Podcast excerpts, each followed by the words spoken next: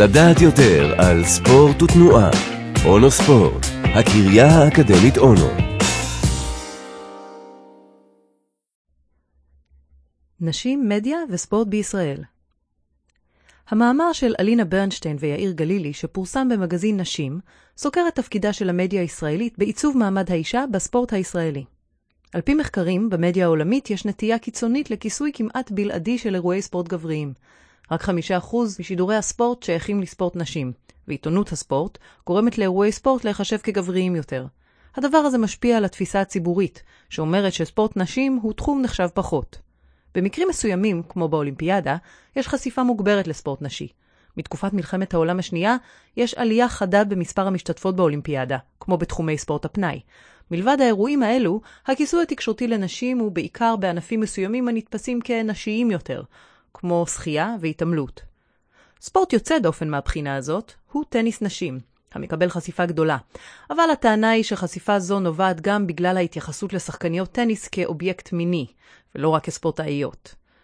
כשמדובר בתחרויות עולמיות וגאווה לאומית, למדיה אכפת פחות אם מדובר בנשים או גברים.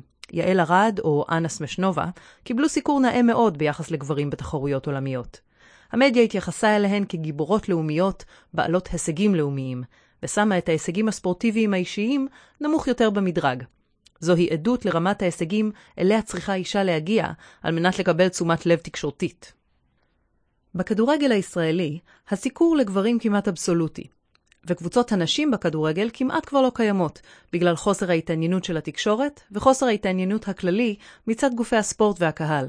מוסדות החינוך גם אחראים ליצירת חוסר השוויון בין המינים, בגלל שהם מעודדים את הצעירים לבחור בכדורגל ואת הצעירות בכדורעף. דווקא תחום כדורסל הנשים בישראל מתעקש להתנגד למגמה.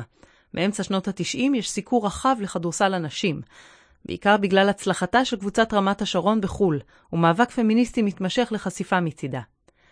בתחילת שנות האלפיים, ערוץ 5 הישראלי התחיל לתת כיסוי יותר גדול לכדורסל נשים, וטען שמדובר בליגה טובה, עם תוכן מעניין, ושערוץ ספורט לא יכול להיות מבוסס רק על ספורט גברי.